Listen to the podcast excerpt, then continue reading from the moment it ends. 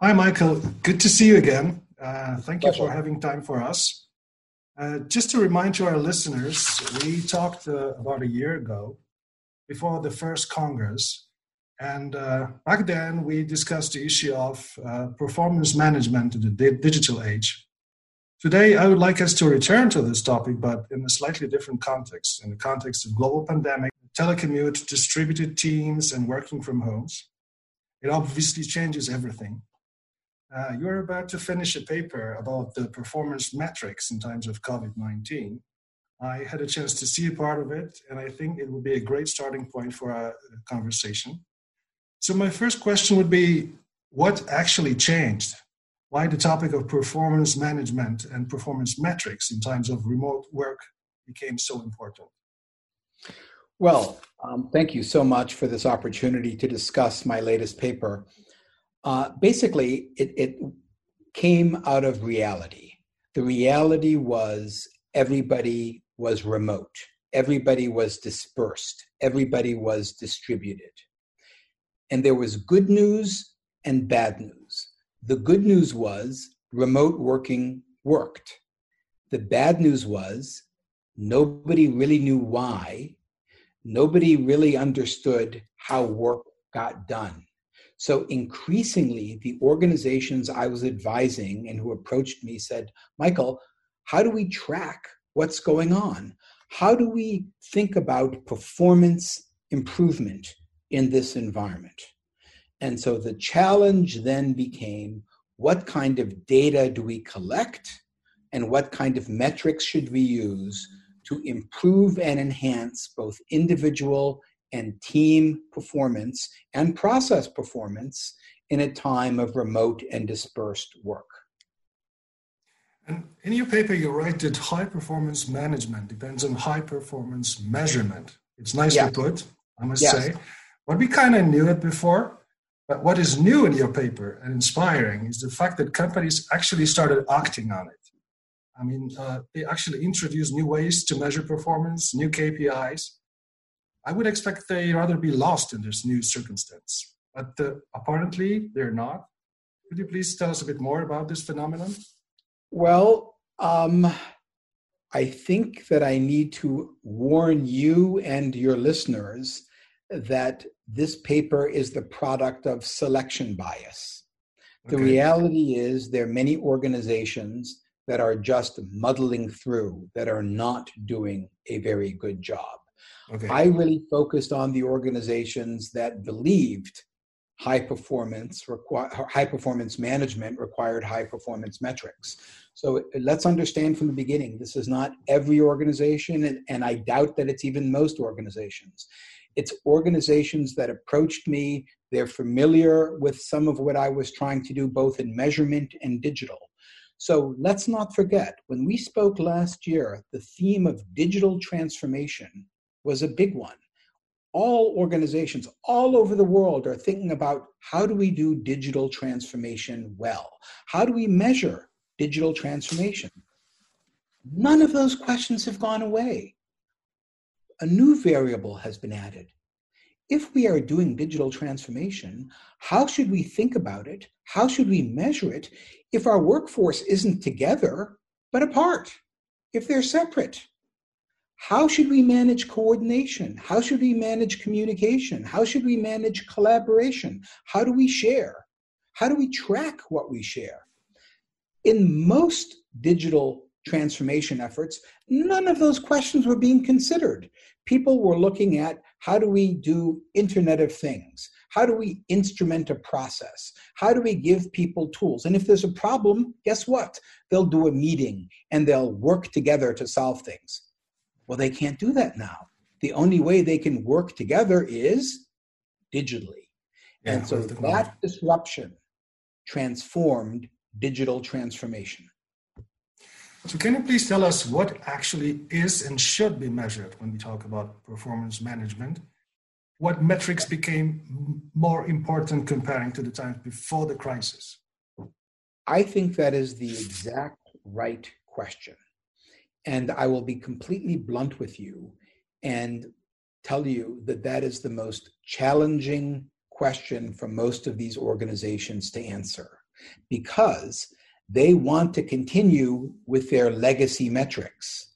But their legacy metrics don't help them improve because they don't understand, they don't monitor the dynamics of how people share information. They didn't have to. They didn't have to. They let the people work it out for themselves. That can't be the case anymore if you want to know what's going on. Let's be very clear. If you turn your employees and the processes into a black box, it doesn't matter.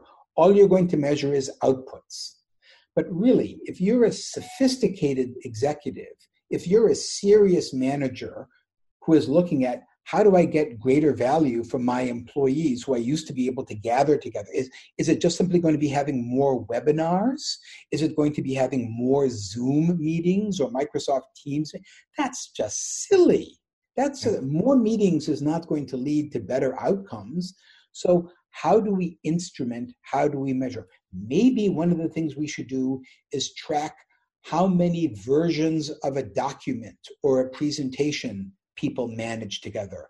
Maybe we should do social network analysis or sentiment analysis on their chat and see are people in a good mood? Or in, in a social network uh, uh, analysis are we having too many single point of failures or rate determining stopping points? Most organizations have never had to ask those questions let alone answer those questions. In fairness for some of the cutting edge digital transformation companies, they were beginning to answer, ask those questions. But it wasn't urgent because that was nice to know information. Well, that nice to know information has become need to know information. So something people thought would be they'd be doing in the next 18 months, they're doing in the next 18 days. Yeah. So, and the fact that people started to work from their homes carries a risk of destroying their work life balance. But you seem to say that this aspect of new work environment also can be measured. You use another great catchphrase soft skills deserve hard data. Could you say a bit more how to approach soft skill measurement and why is it so important? So, I'm also very glad that you you ask that question. Um, I want to make it clear that there are no standout measures right now. One of the things we're seeing is not just more surveys for employee engagement and employee morale, but things like internal NPS, Net Promoter Score. Would you suggest, would you bring a friend in to work in this environment? People are asking different kinds of questions. But I'll give you a, a very good, I think, funny example. Not one, but two banks I work with to build morale and to acknowledge the fact that people are working at home. They have every two or three weeks a pet show. You show your pet on the Zoom. You introduce pets to other. You record the barking to build morale. Now, of course, that is a politically correct, polite thing to do. Yeah. Now I will tell you what maybe I shouldn't tell you. They monitor whether people are bringing their pets or dropping off or if they're bored with this. They are using this as a way to see if how engaged people are and to see whether people like the fact that the company is formally acknowledging bringing in the pets. Some companies now have a policy where it's okay if children interrupt. You know, you can't stop them anyway, but in some cultures that is not such a good thing. So so they're asking about they're they're publicly saying it's okay and then they're asking is your manager respecting your home life boundary in this? Because let's be very blunt. Everybody needs to get their work done, but this is literally and figuratively an invasion of people's homes. Most yeah, yeah. people, even people who like working at home, would like to be able to have a space outside of home to work. Some of this is psychological, some of this is cultural, some of this is sociological. But when I say soft skills require hard data, and then somebody says, We think our people's morale has been pretty good these last four weeks, if the member of the board says, How do you know that? And you say, Well, we have a survey that shows morale, and they say they have good morale. Yeah. Um, I do not think the credibility of that manager is going to be improved. What I want your people to come away with is how seriously are we taking these so called soft issues? The organizations I work with have taken them more seriously rather than less seriously or take for granted. Mm-hmm. And as I understand it, the logic behind the process we talk about, the process of performance management in this new times, is it goes like this. Since we don't see each other in the office, we need to see what each of us is doing. And there Correct. is a need for bigger visibility. And am I right that the visibility is the key word here? So I am speaking to you and your your colleagues and countrymen. Um, we do not want the state doing monitoring or surveillance. In America, privacy issues are, are enormous. Yeah. I believe one of the most important issues going forward is trust, because honestly, you can't do the things I'm talking about without increasing monitoring and surveillance. So there needs to be trust, and my heuristic my recommendation, my suggestion that I urge everyone to take seriously and study and debate and argue is not how do we do a better job of measurement and surveillance in a trustworthy way? It's how can we show that the measurement and surveillance that we do leads to personal and professional development, not tighter control and more requests for compliance. That is a real human and organizational challenge. The organizations that I am working with and listening to tell me this is what they are trying to do. The deal is not, we are going to make you more productive. We are going to help you become a better employee, a better collaborator. So the focus is on performance management through personal and professional development, not through better and more comprehensive control and compliance. So that is a real challenge, and that is the argument I hope will be conducted in a healthy way all over the world. That is, by the way, that is the future. I will say one critical thing of Amazon. Amazon, as we all know, monitors their warehouse workers very rigorously. They are focused on efficiency, efficiency, efficiency, speed, and of course now health. That's not sustainable. That's not sustainable. People have to feel and believe that their employers respect and are looking out for their best interest in the moment and in the future. That is the performance management challenge. Mm-hmm. So I was actually to ask you about this trust and verification dynamics that you uh, write about in your, in your, your article. But uh, I understand this that introducing surveillance in the, in the, workplace is always a tricky thing, and you actually have to change uh, corporate culture a little bit, right? You have to. Not a little bit, a lot. You a have lot. to. You have to have like the global agreement in the company that those measures are actually profitable for everybody.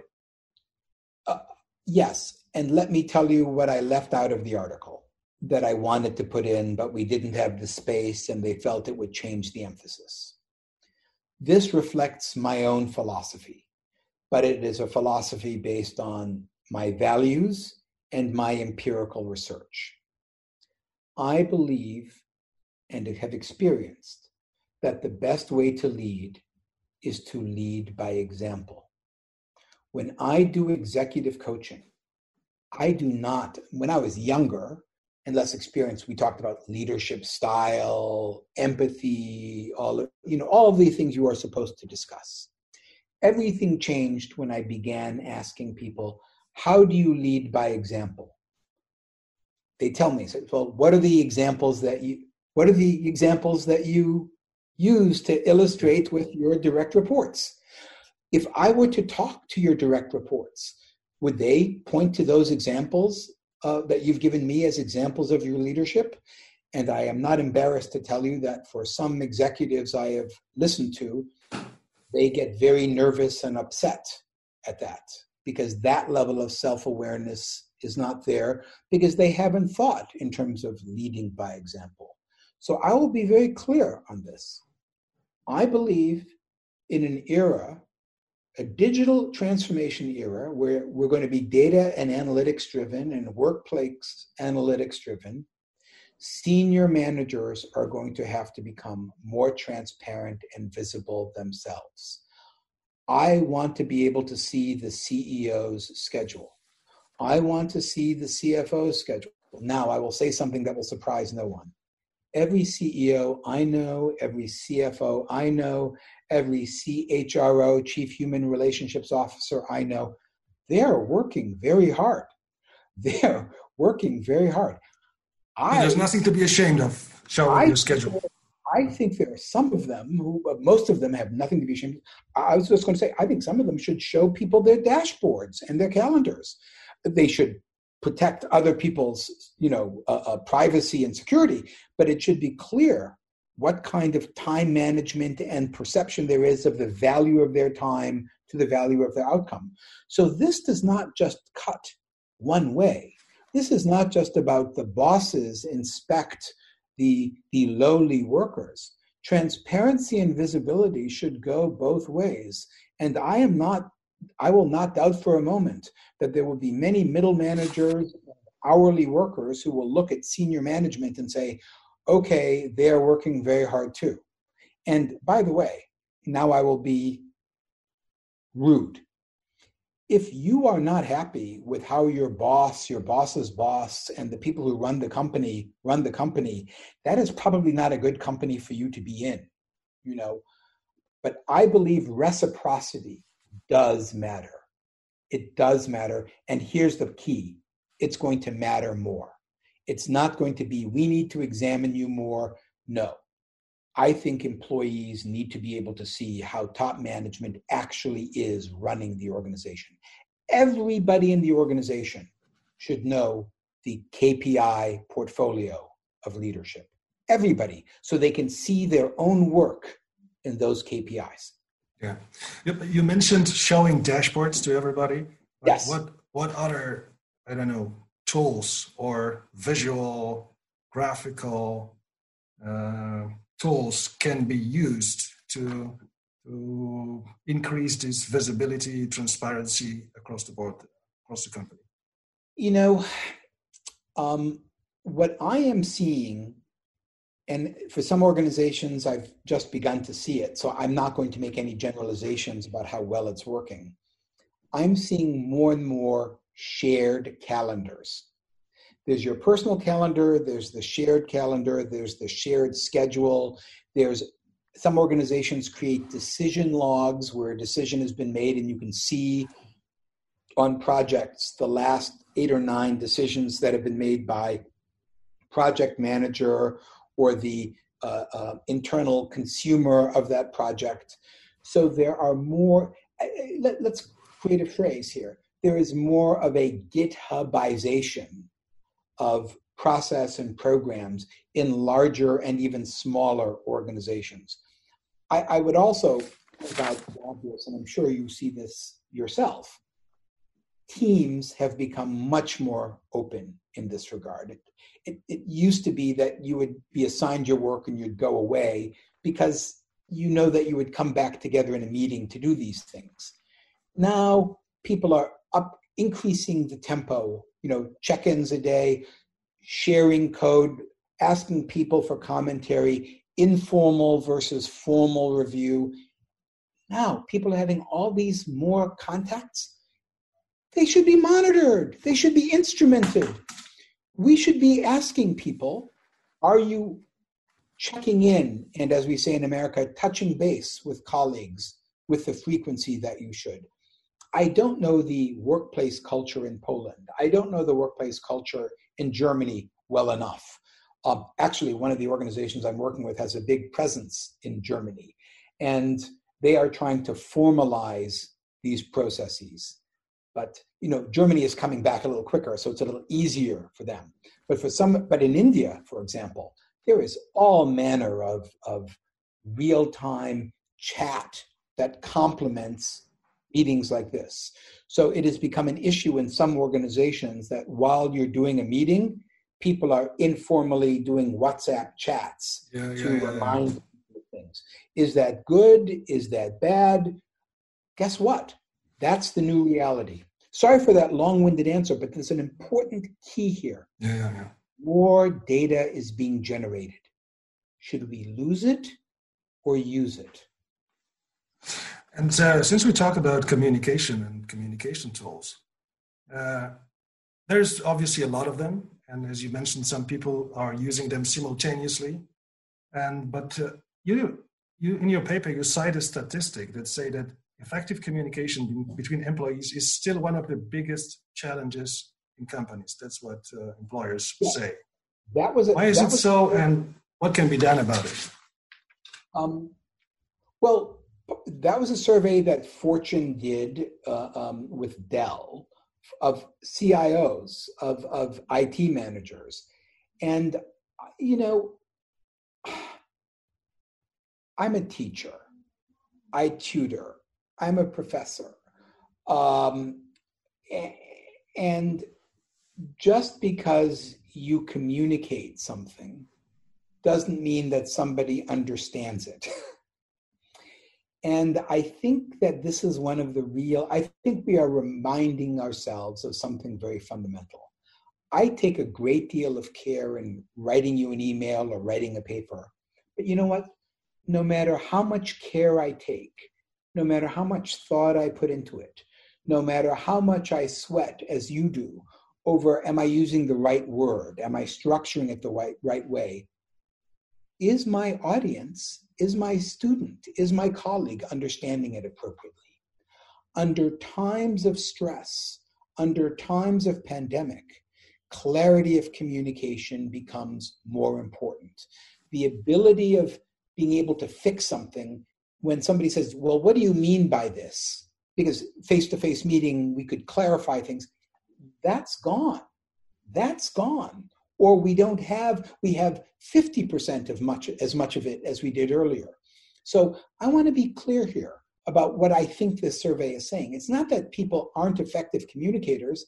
It's that when you review the value of the exchange that was supposed to take place it, it really didn't work. It really didn't work. By the way what do most managers do when they haven't the communication hasn't been effective they repeat what they said before. Yeah. Three or four times. I, am telling you, I am now older.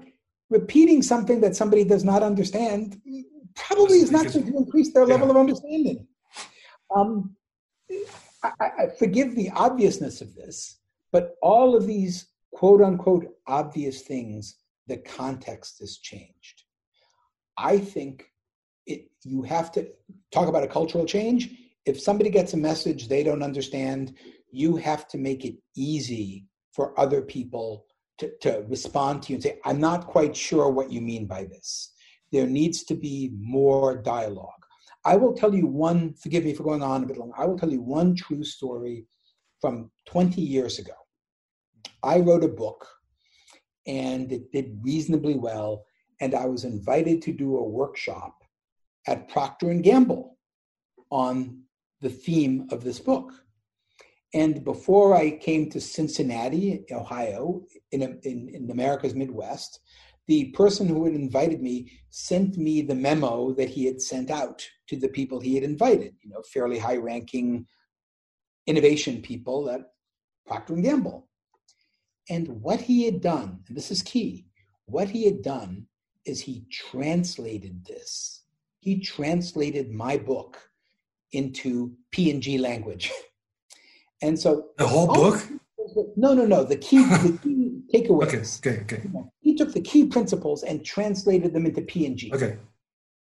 and it opened my eyes. It completely changed how I presented things because I had a sense of how they understood things. You know, you and I are speaking in English. If I spent three, I, I assure you, if I spent three weeks in Warsaw, Poland, the, whatever talk I give in Poland would be a more empathetic or sympathetic talk. Yeah, yeah. Guess what? We are now all remote. It is another country. It is another way. It is another context. So, conversations that we have, email ex- exchanges that we have, the way we interact has changed. So, we need to be more sensitive about what effective communications means. And I believe what that survey surfaced was what people took for granted as effective communications shouldn't be taken for granted.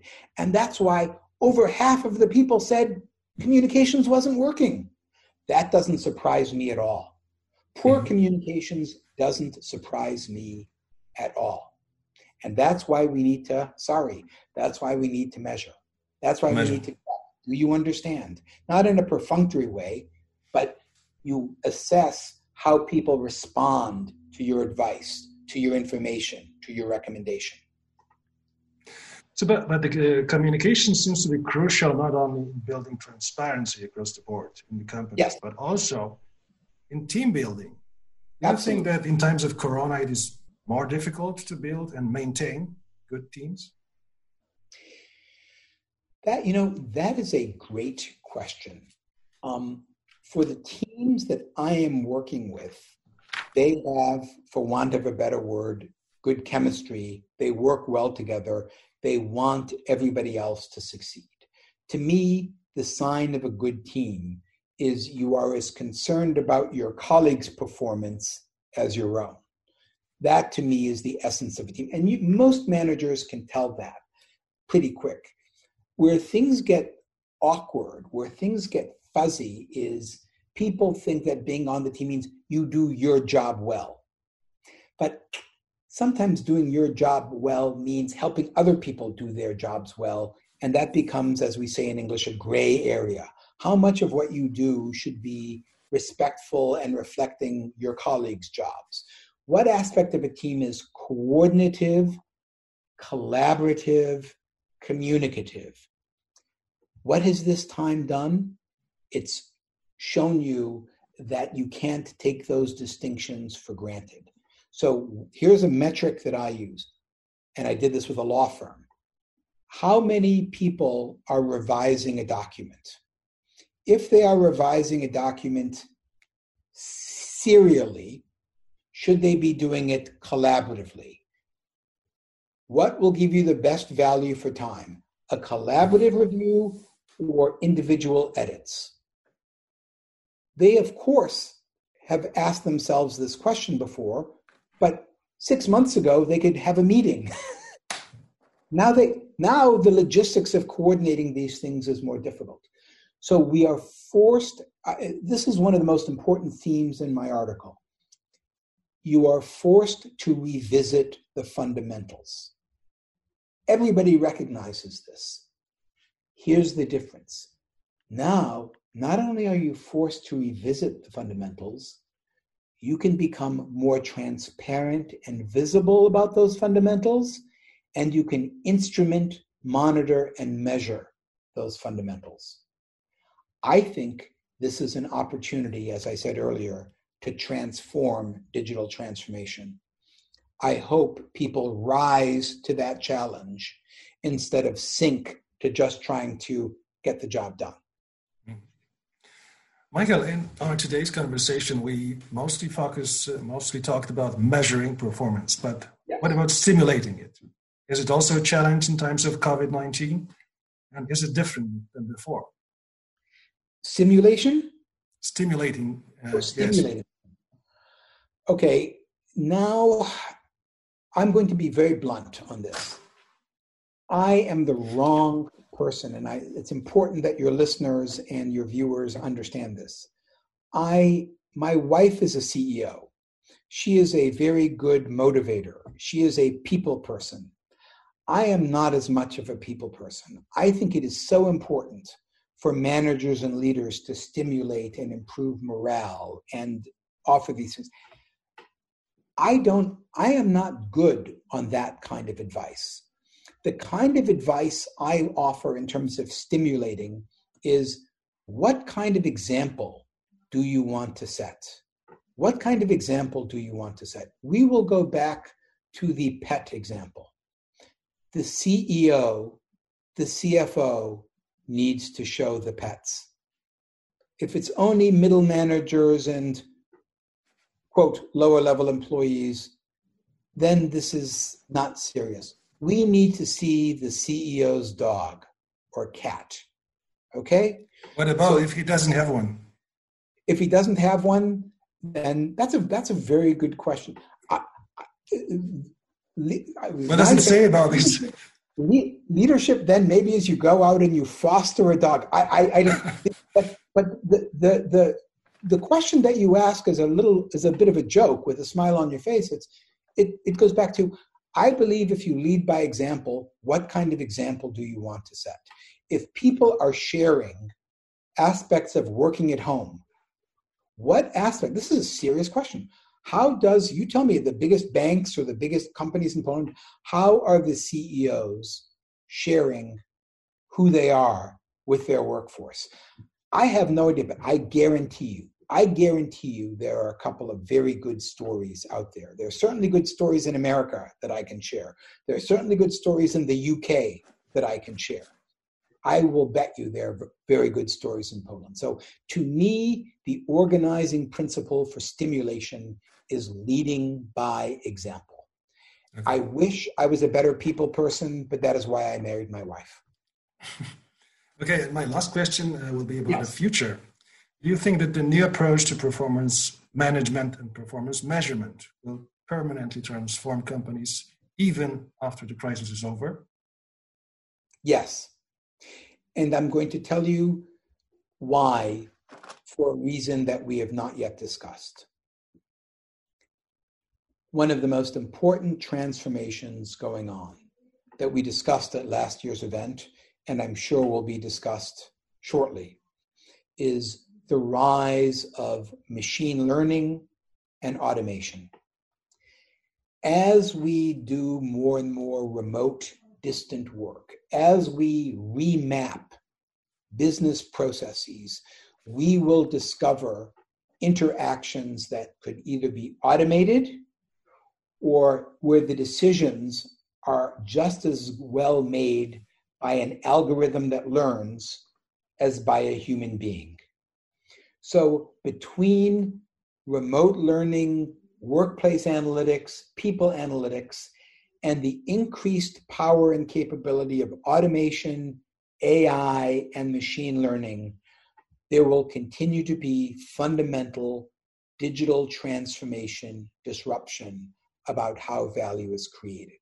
So it's not just about the future of humans, it's about the future of machines and humans working together. That's a real leadership challenge.